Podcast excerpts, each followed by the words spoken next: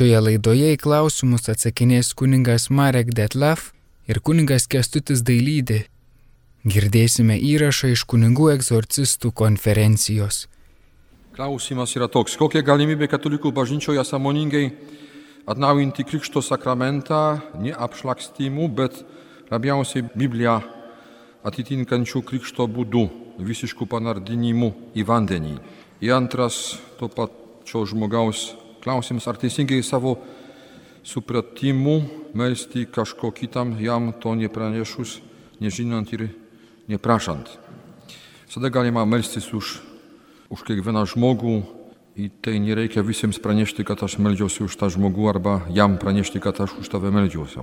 Kartais prasminga pasakyti, bet, bet svarbu, kad melstis ir, ir tiek. Kokia galimybė dėl to panardinimų? Yra taip, kad katalikų bažnyčioje pirmas krikšto formulė yra panardinimas į vandenį. Antra formulė yra apšlakstymas. Tai, kad dauguma bažnyčiose yra praktikuojama apšlakstymas kaip pirma formulė, tai galbūt dėl praktinių dalykų, tai, bet reikia žinoti, kad panardinimas yra pirma katalikų bažnyčios formulė teikiant krikštą. Ir atnaujinti krikštą mes tik galime atnaujinti per išpažinimą, į tai Velykų nakties liturgiją, mes atnaujinimą krikštą visada tai tik reikia turėti nuosamoningumą. Krikštas nėra antrą kartą teikiamas. Taip kitas klausimas, ką manote apie šias praktikas - biorezonansą, holistiką, mindfulness. Nežinau, kas turima minti biorezonansų, nu, holistika, bet kuriuo atveju tai yra iš neįdžio tų praktikų, holistinis visuminis gydimas, gydo ir dvasia, ir siela, ne tik kūną Dabar įsisamoninimo technika. Tai čia visur kalba nuėdžias apie įsisamoninimą savo potencialo, savo jėgų ir nėra kalbama apie Dievo pažinimą, jam tarnavimą. Tai jo ten yra berots ir minima Jėzus gyvo vandens nešėjas, kaip tik mindfulness. Jo, tiek šiuo klausimu. Apie apkalbas šeimoje ar su draugais dalinamės įvairiais dalykais, taip pat kalbame ir apie kitų žmonių poelgius, kartais neigiamus, kaip atsiskirti, kur yra šiaip pasidalinimas apie tai, kas rūpi, o kur prasideda nuodėmė, dežuravimas, apkalbėjimas. Aš nežinau, ar verta dalintis neigiamais dalykais. Viską priklauso nuo intencijos. Tai kalbėkime gerus žodžius, ieškokime gerus pavyzdžius, už blogus pavyzdžius tik užtenka melstis. Tai ležuvavimas, pakalbėjimas priklauso nuo intencijos. Tai tiek. Dar klausimas, ar žmogus, kuris lankėsi pas egzorcistą ir už jį buvo melstis, gali būti užtarėjų vėliau. Vėliau tai reiškia irgi ne, neaišku, ar už mėnesį, ar už metą, ar už 10 metų, už 20 metų. Viskas priklauso nuo jo dvasios tėvo ir nuo laiko, kai jisai buvo išlaisvintas ir kaip jisai dabar gyvena. Tai iš esmės gali melstis, bet prašau ne, ne greit, prašau trupučiuką pagyventi dar. Klausimas, ką pasakytumėte apie kodavimą nuo alkoholio? Tai yra veiksminga, kokia jėga tai padaroma, ar tai neprieštarauja bažnyčios mokymui? Mano klausimas, ar tai yra naudojama hipnozė Kitas dalykas, ar tai naudojama kažkokia įtaiga, nežinau. Tikriausiai, dabar jeigu tai yra hipnozė, tai yra atviras klausimas ir hipnozės tėvas, galima sakyti, yra Antonas Mesmeris, masonas, okultistas, mediumas. Ir ta praktika gyvulinis spiritualizmas ir vėliau ten kiti perdavė Hanemanas ir visi kiti, tai, tai būtų problema hipnozės naudojimas. Kitas klausimas - vaikams mokykloje per dailės pamokas neretai siūloma piešti arba spalvinti mandalas. Ar tai nepavojinga? Mandalos jo iš hinduizmo religijų konteksto ateina, jos nėra tokios, aišku, piešiamos, tikrai vaikas nemanau, kad jis inicijuojamas ir tuo, bet koks yra dalykas, kad na tai kitos pratinamas prie kitos religijos ir užaugęs jau jam tai bus savastis, ta žinai mandala ir jis vėliau netgi gali ir kitokiom prasmėt naudoti mandalas, tai gal yra kitų būdų piešti vaikui duoti kažką, nu tik ne mandalas, nes tai yra religinis dalykas šiaip mandalų piešimas. Tai gali tu to nesuprasti, bet nėra išmintinga eiti kitos religijos teritoriją, taip atsakyčiau. Klausimas, kaip atsiverti Dievo meiliai, kaip leisti būti Dievo mylimam. Aš sveikinu, nes tas klausimas jau yra atsivertimas Dievo meiliai. Vis tiek reikia su juo kalbėtis ir sakyti apie save, apie savo širdį, apie savo truškimus, jam, jam viską atiduoti. Taip klausimas, kaip su žmogumi, kuris atrodo gyvena sakramentais, dalyvauja mišiuose priima komuniją, eina kartais iš pažinties, meldžiasi rožinį, apsilanko kartas nuo karto pas būrėją išsimesti kortų. Ir žmogus sunkus šeimoje. Jo, tas žmogus dalyvauja dvasiniai kovoj, bet žinai, pasiryžimas galbūt netgi reiktų egzorcisto pagalbos. Pirmiausia, kad klebonas palaimintų, jo dvasios tėvas jį palaimintų, pasimelstų arba nuodėm klausys jeigu jis ne pirmiausia yra ta psichologinė priklausomybė. Antras dalykas galbūt būtų gerai pirmiausia išlaisvimo malda už tą žmogų. Tai toks būtų atsakymas, kad tai yra nuodėmė, jo kiekvienu atveju ir sunki nuodėmė tai yra. Prieš pirmą Dievo įsakymą. Tai yra stabmeldystė ir... Norėčiau paklausti apie nepatogią ir dažnai nutinimą temą homoseksualų lytinį potraukį tos pačios lyties asmenims. Kada rytis žmogui išgyvenančiam tokį potraukį. Kaip tai priimti, galbūt ieškoti išgydymo, galbūt su to susitaikyti ir praktikuoti homoseksualų lytinį gyvenimą. Atsakymas yra celibatas, susilaikinimas. Reikia susilaikyti nuo visų nuodėmių. Nuo visų nuodėmių. Ne tik nuo homoseksualizmo, bet nuo visų nuodėmių. Jeigu žmogus mane, paklaus mane, ar gali be santokos gyventi lytiškai su moterimi ar su vyru, reikia susilaikyti. Tai yra toks atsakymas. O dėl išgydymo tai visada galima viešpačiui atiduoti visas savo žaizdas ir prašyti jo, kad jis išgydytų iš žaizdų.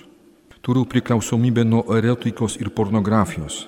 Po pasidavimo šioms aistroms jaučiu gėdą, kaltę, neviltį, baimę, kad Dievas mane atstums ir pasmerks. Nors gailiuosi ir stengiausi gyventi dvasinį gyvenimą, reguliariai nupoliu, ką patartume daryti. Dievas yra gailestingas. Jis yra gailestingas ir atleidžia.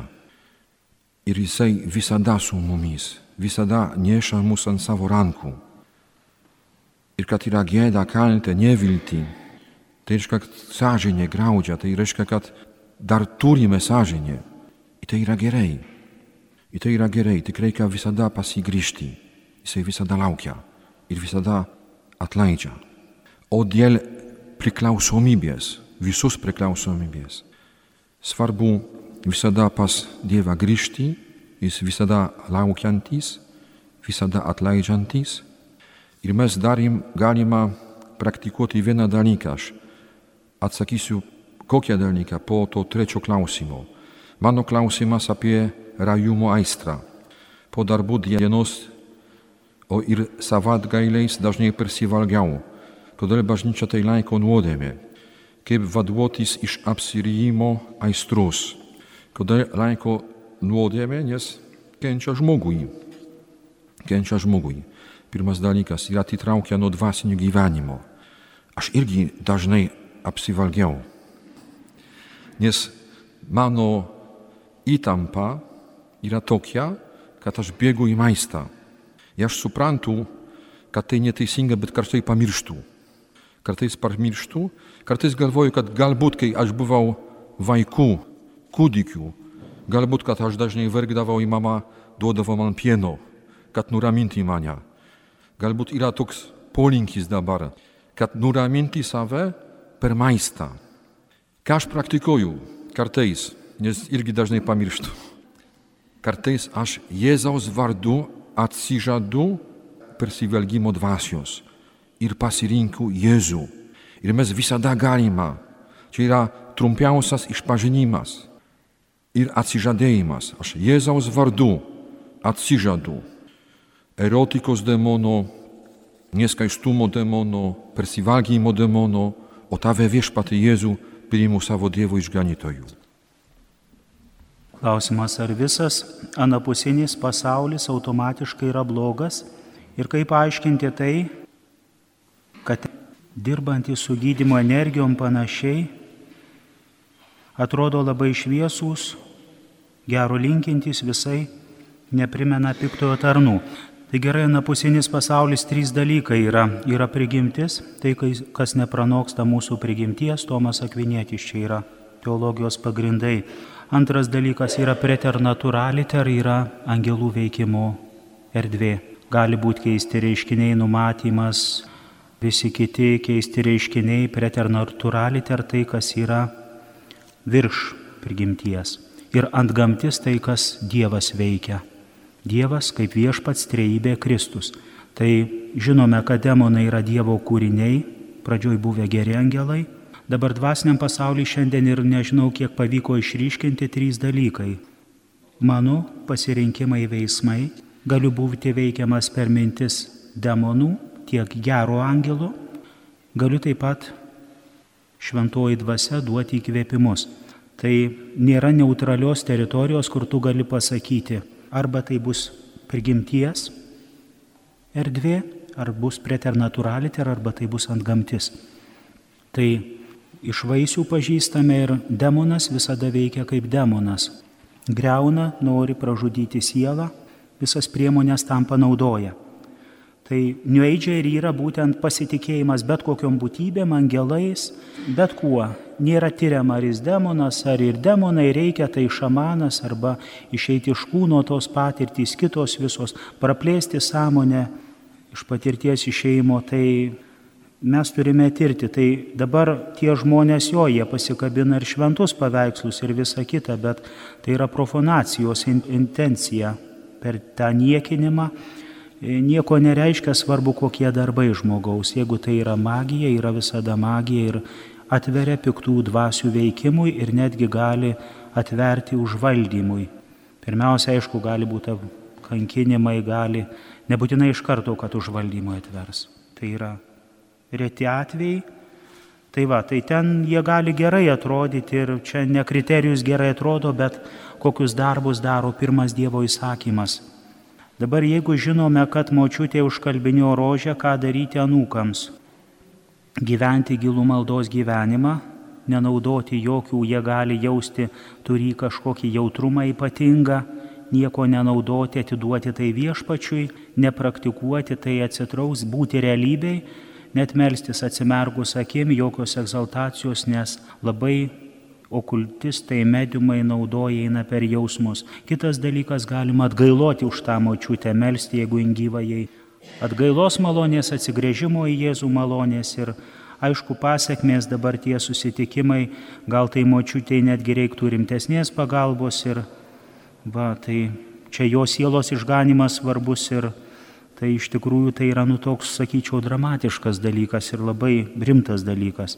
Įsivaizduokit, kai ten pavyzdžiui vyro mama daro magiją arba brolis ar sesuo daro magiją ir kai tiesiog kiti patiria tos magijos vaisius, žinai, demonų ateimą, nu tai realus yra veikimas. Dabar čia klausim, ar gali tai atsiliepti kaip nevaisingumas, nedrįščiau sakyti ir nenorėčiau operuoti ties tuo klausimu ir įsitirti pas gydytojus, ieškoti priežasčių, eiti pagalbos medicininės. Dievas gydo, čia vienas klausimas buvo prie to paties.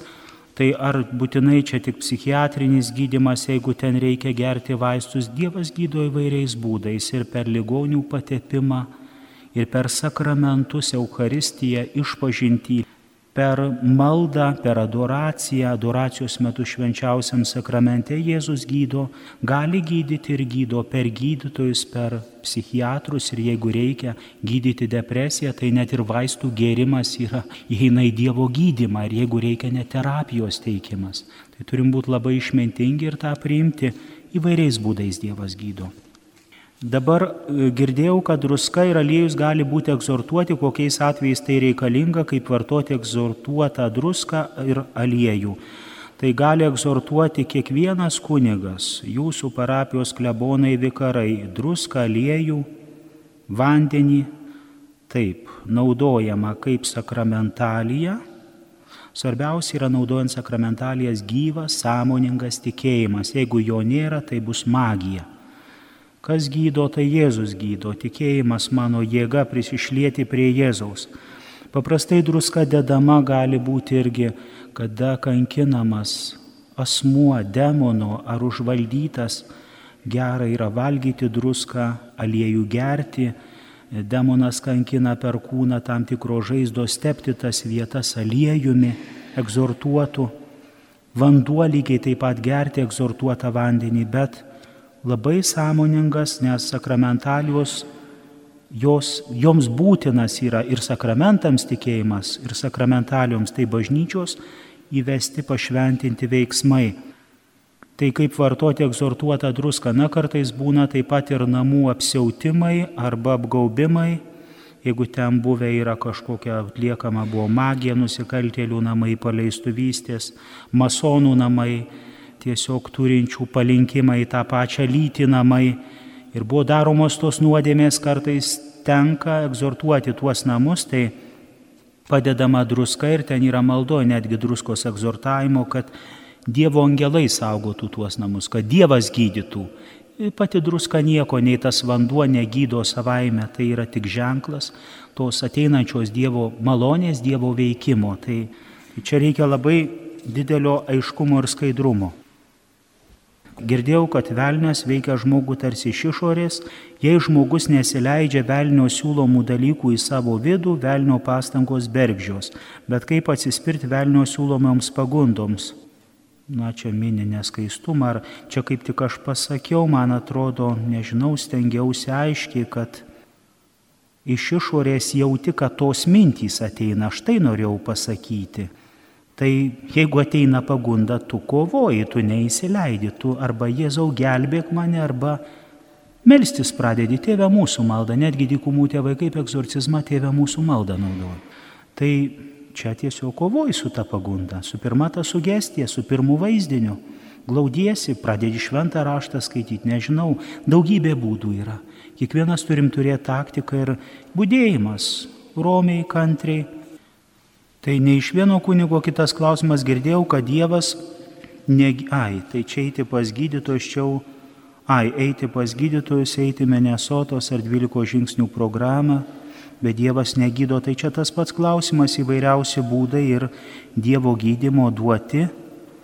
Tai šventoji dvasia suteikia tą malonę, žinai, priklausomybių atveju ir ten kartais kiek yra reikalingas tas psichikos gydimas kiek žmogaus psichologijos, kiek reikia to dvasinio gydimo per sakramentus ir kartais kiek reikia to, žinai, egzorcistinės pagalbos, tai išlaisvinimo bent, kar čia būna kartais labai persipinę ir kartais netgi kartu tą pagalbą teikiama, pavyzdžiui, gydo psichiatras ir egzorcistas egzortuoja žmogų paraleliai, labai gerai, jeigu yra bendravimas, jeigu yra bendradarbiavimas ir gerbdami savo sritis ir Idealu, jeigu aišku, psichiatras yra tikintis ir Taip, ar kiekvienas kunigas gali būti dvasios tėvo, ar netrukdo jaunas amžius, kaip žinoti, prašant palydėjimo, kad jis galėtų juo būti. Klausiantis kaip ir nujaučia. Taip, kunigas turi turėti gyvenimo patirtį, dvasinių kovų patirtį ir tikrai nerekomenduoju jaunoms merginoms ar jaunuoliams jaunų dvasios tėvų. Tai turi išmanyti ir dvasinį gyvenimą, ir asketiką, ir mistiką. Išmintis. Jūs žinot, kad išmintis taip dovana, kurios meldžia dvasios tėvas, dvasių atpažinimo, taip pat taip kunigystėje duodama dvasios tėvo ta dovana malonė. Rytuose, kaip žinot, net ne kunigai palydė dykumose tėvai, tie buvo, nu, galėtume sakyti, vienuoliai, atsiskyrėliai. Jie palydėjo, mokė, jie neturėjo nei mišių, tai yra kitokia tradicija ir tai gali būti, nu, teoriškai taip kiekvienas kunigas mano atsakymas yra. Tik iš tūkstančio aš dar daugiau kaip Teresė Vilietė rinkitės dvasius tėvą. Tai čia reikia labai paprašoma taip, kada, na, pabandyti pirmiausia gal iš pažinties eiti ir matyti, kad nebūtų per daug žmogiškas požiūris, jo atsakymai tie patys, ar jis pasiūlo, ar patarė, ar matai protingumą pirmiausia išminti to žmogaus. Astrologija ir trys karaliai aplankyti ir pasveikyti gimusio Jėzaus vedami žvaigždės. Kur čia prieštaravimas? Nu ir čia mėnulio kalendorius paminėtas kaip neigiamas dalykas, bet juk mėnulio įtaka žmogaus kitiems gyviems organizmams moksliškai rodyta. Ten buvo dokumente, ten reiktų į tą kontekstą gilintis dėl mėnulio, dabar dėl astrologijos. Tai išminčiai, čia egzegetui turėtų būti klausimas arba Biblijos teologijos specialistui. Kiek žinau, tai buvo astronomai, kurie stebėjo dangaus kūnus. Net kai kuriuose taip egzegetiniuose komentaruose, jeigu yra astrologai, kokia yra giliausia mintis. Magija ezoterika nusilenkia Dievui, karaliui. Čia Josef Ratzinger, Benediktas, jo knyga Jėzus iš Nazareto, ta pirmoji pratarmė. Labai geras komentaras, aiškinimas. Tai nusilenkia. Net jeigu taip, jie nebuvo karaliai, jeigu ten egzegetai aiškina, kad buvo žmonės, kurie ieškojo Dievo, kitos tautos manoma, persų kunigai buvo persų kastos kurie žinojo, kadangi Babilone buvo ištremta tauta, apie mesijo viltį, laukimą ir jie eina aplankyti. Tai nu, kažkaip man neužkliūna. Taip, graikiškas žodis magoj. Taip, magoj yra. Tas, kur gali būti ir šarlatanas, ir astronomas, ir astrologas, labai daug prasmių turi tas žodis. Tai toks mano būtų atsakymas. Ar nieko blogo, jei žmogus nežinodamas dalyvauja kažkokiuose veiksmuose, tačiau to nepriima.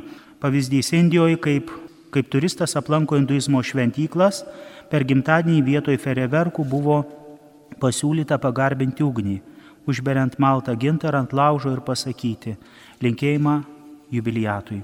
Nu tai čia būtų panašiai vaikus, kai veda pas ezoterikus, okultistus arba jeigu tu dalyvautum juodosiuose mišiuose arba reikia labai gerai galvoti, kur dalyvauju veiksmo intencionalumas, bet matai, kaip yra magijoje, jeigu tu eini jo teritoriją, tu neišeini sausas.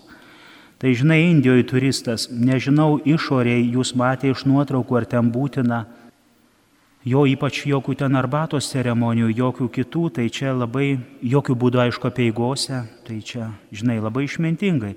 Dabar per gimtadienį čia paminėtas tas pagarbinti ugnį. Tai iš esmės tai yra stabmeldystė, už, užberi, nu to gali užtekti. Nesakau, kad bus už, užvaldytas tas žmogus, jokių būdų, bet išpažinti, atsižadėti tos praktikos ateityje būti labai išmintingam.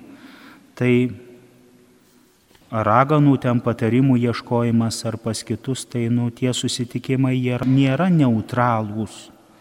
Tai čia gali būti pasiekmės net ir po, tai žinai, veiksmas, ką tu žinai, nežinai, demonui nesvarbu. Tavo veiksmo atlikimas ir gal galėtumėte, aišku, predispozicija dažniausiai tai sunki nuodėmė atveria. Prakeikimų atveju, kai žmonės ateina, reikia nebijoti, jeigu tu gyveni gilų maldos gyvenimą. Eukaristija, susitaikinimas, kas dvi, kas trys savaitės. Tai tu neturi, skaitai Dievo žodį, adoruoji. Nereikia nieko bijot, gali būti šiaip jokio nebus veikimo arba minimalus, nu tiek, kiek Dievas leis, bet jeigu žmogus gyvena sunkioj nuodėmiai, prakeikimas gali visų svorių kristi. Tu esi nutraukęs bičiulystę su Dievu, su gyvenimu, su tavo viešpačiu ir Tai va dabar gal galėtumėt paaiškinti apie užgavenės ir kitus lietuviškus pagoniškus dalykus. Tai naujoji pagonybė ir aišku, tai gali ir inicijuoti tie veiksmai ir nu tie pagoniški tai yra burtai, burtai yra burtai, galim vadinti, kad tai yra papročiai, bet esmė yra, tai yra juodos magijos praktikos. Šiaudo traukimas su veidrodžiais visokie būrimai arba ir čia etnokultūroje labai dažnai ten ir vaikam žaidimai duodami, kaip kad jie žaistų, tai, tai yra, na, gali atverti ir atveria paprastai, aišku, demonui. Tai čia galima būtų atskira tema, reikėtų kalbėti, tas yra prasiveržimas neopagonybės, taip pat Lietuvoje jis yra stiprus ir kai kieno jis yra palaikomas labai ir kaip čia kitas diskursas būtų Nerijos Putinaitė Šiaurės Atenų tremtiniai, Basanavičius, kiti, kurie labai tą tapatybę tarsi tai lietuvio, ne, nieko panašaus, Antanas Maceina, kad be krikščionybės kaip tauta, kaip valstybė nebūtų išlikus Lietuva. Tai, tai čia turim labai rimtai, kritiškai, nebijo diskutuoti, mąstyti, aš už, už diskusiją, už. Tai va, bet su pagoniškais dalykais yra rimtas dalykas. Ten ugnies ritualai arba Dabar maisto toleravimo testas atliekamas natūralios medicinos centre ir yra blogis. Negalėčiau pasakyti, koks tas maisto toleravimas, kol tai neperžengia medicinos, oficialios, tikros. Tai nežinau, ar pagal kraują gali, ar pagal ką, ar netitinka, ar netitinka, tai nieko tame nematau. Bet tas natūralios medicinos centras, ar tai nėra kažkokių kitų praktikų ir ten, ar tik tai tas nustatymas medicinių būdų eksperimentiniu atliekamas. Čia yra pamatinis dalykas. Jeigu taip, tai. Ar labai blogai ištaturuoti karūno simbolį ant rankos? Tai yra svarbi tema mokymuose egzorcistam Italijoje buvo ta jo taturavimasis. Jokio ženklo nedėk ant kūno, Senas testamentas ir izraelitai to labai paisė. Tai yra savotiškai kaip ritualas su krauju atsiduodi. Dar kitas dalykas, tu į kito žmogaus rankas, kūrinio rankas, Dievo kūrinio atsiduodi ir jis tave tarsi kūrė. Psichologiškai labai daug problemų kyla. Psichologai tą yra nustatę, kad žmogus lieka tame amžiuje, tame laikė su tom emocijom, tais išgyvenimais, kada buvo taturuojama ir ten tie simboliai būna ir Marija, ir Jėzus, ar ne, visokie būna simboliai. Tai, bet esmė tai yra esmė, ta taturuotė tai Taip, Etijopijos krikščionys, aišku, ten Kristų taturuoja, tai, tai klausimas yra, na, svarbus, rimtas ir geriau nedėti jokio ženklo ant kūno. Esam Dievo paveikslas ir panašumas. Jo meilės dėmesio kartai žmogus psichologiškai gali būti šauksmas, tie auskarai, žinai, tie visi, atkreipkite, mylėkit mane, gali tai būti šauksmas. Kaip atpažinti raganas, kurios gali ateiti į bendruomenės. Numatot, kaip pasakyti, jeigu žmogus daro praktikas ir jūs tikrai žinote, ten nežinau, kažkokius būrimus, spiritizmą, tai, nu, tai yra nu, raganavimo dalis arba tai bet dėl to nereikia sukt galvos ir kad ten, žinai, nuprašom apsaugos. Aišku, matai, ragana nebus manifestacijų. Ir mišių metu tai būna, kurie tarnauja demonui ar satanistai. Tik po metų, po santrų prasideda manifestacijos egzorto metu tu meldiesi, kito nieko nematai, tas pats yra su raganom. Turi tikrumą, matai tam tikrą kūną, visą stebi, ką kūnė sielo jaučia, bet tai va, tai čia gal nereikia labai bijoti, tiesiog žmogus prašyti apsaugos bendruomeniai pradžioj, melstis į Arkangelą Mikaelį, prašyti Kristaus kraujo apsaugos. Na, o atpažinus tai aišku, geriau nu pasiūlyti išmintingai rinktis ir jeigu tai yra tikrai atgailoti, melsis už tą žmogų, žinai, ir, ir kalbėtis rimtai turėtų klebonas, nes jis atsakingas už parapiją, jis parapijos tėvas. Dvasios tėvas, aišku, pirmiausiai turėtų maldauti to žmogaus, baigti tas praktikas. Kaip atsikratyti konkurencijos lyderystės, nelabai kažką galėčiau atsakyti. Mūsų visuomenė labai konkurencinga. Yra tas galinėjimasis. Ir tai yra skatinama ir yra nu, tokie, tokia dinamika. Ką daryti, kad eidamas į santykį su žmonėmis jauti vidinį suspaudimą dusulį. Gali būti psichologiniai dalykai, baimė žmonių, susitikti, koks tavo santykis su tėvu mama buvo.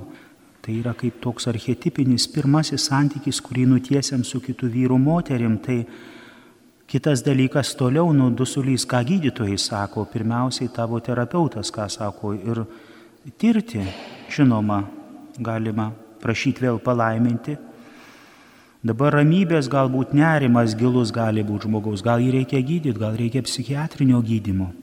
Čia daug dalykų, čia reiktų ištirti, daugiau informacijos, kad galėtum kažką daugiau pasakyti. Baimė parodyti jausmus, šiuo atveju vyrui.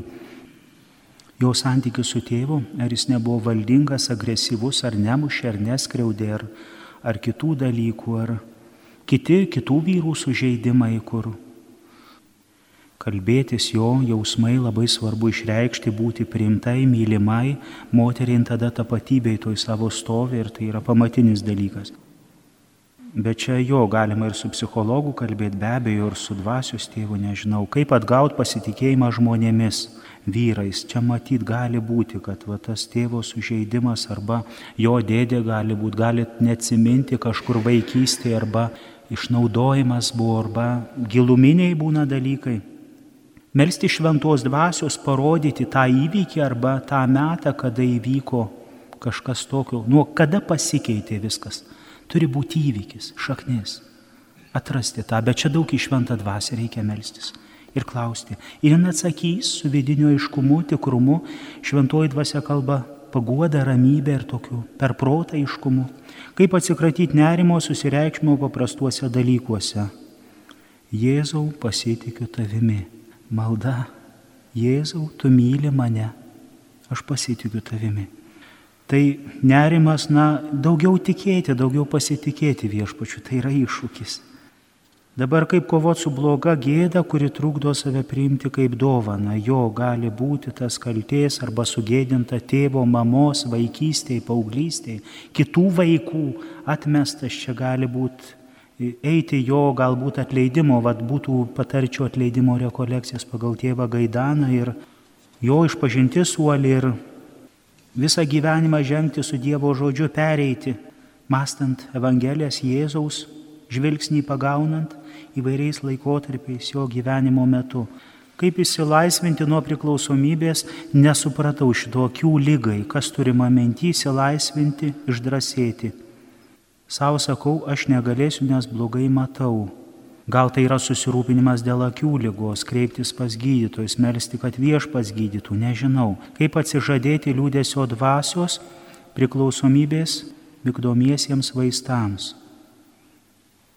Liūdėsio priešingai, na, džiaugsmo dvasia melstį, bendrauti su šventaja dvasia, džiaugsmo, paguodos dvasia guodėja, paraklėtos, paraklėtas, guodėja, paguoda.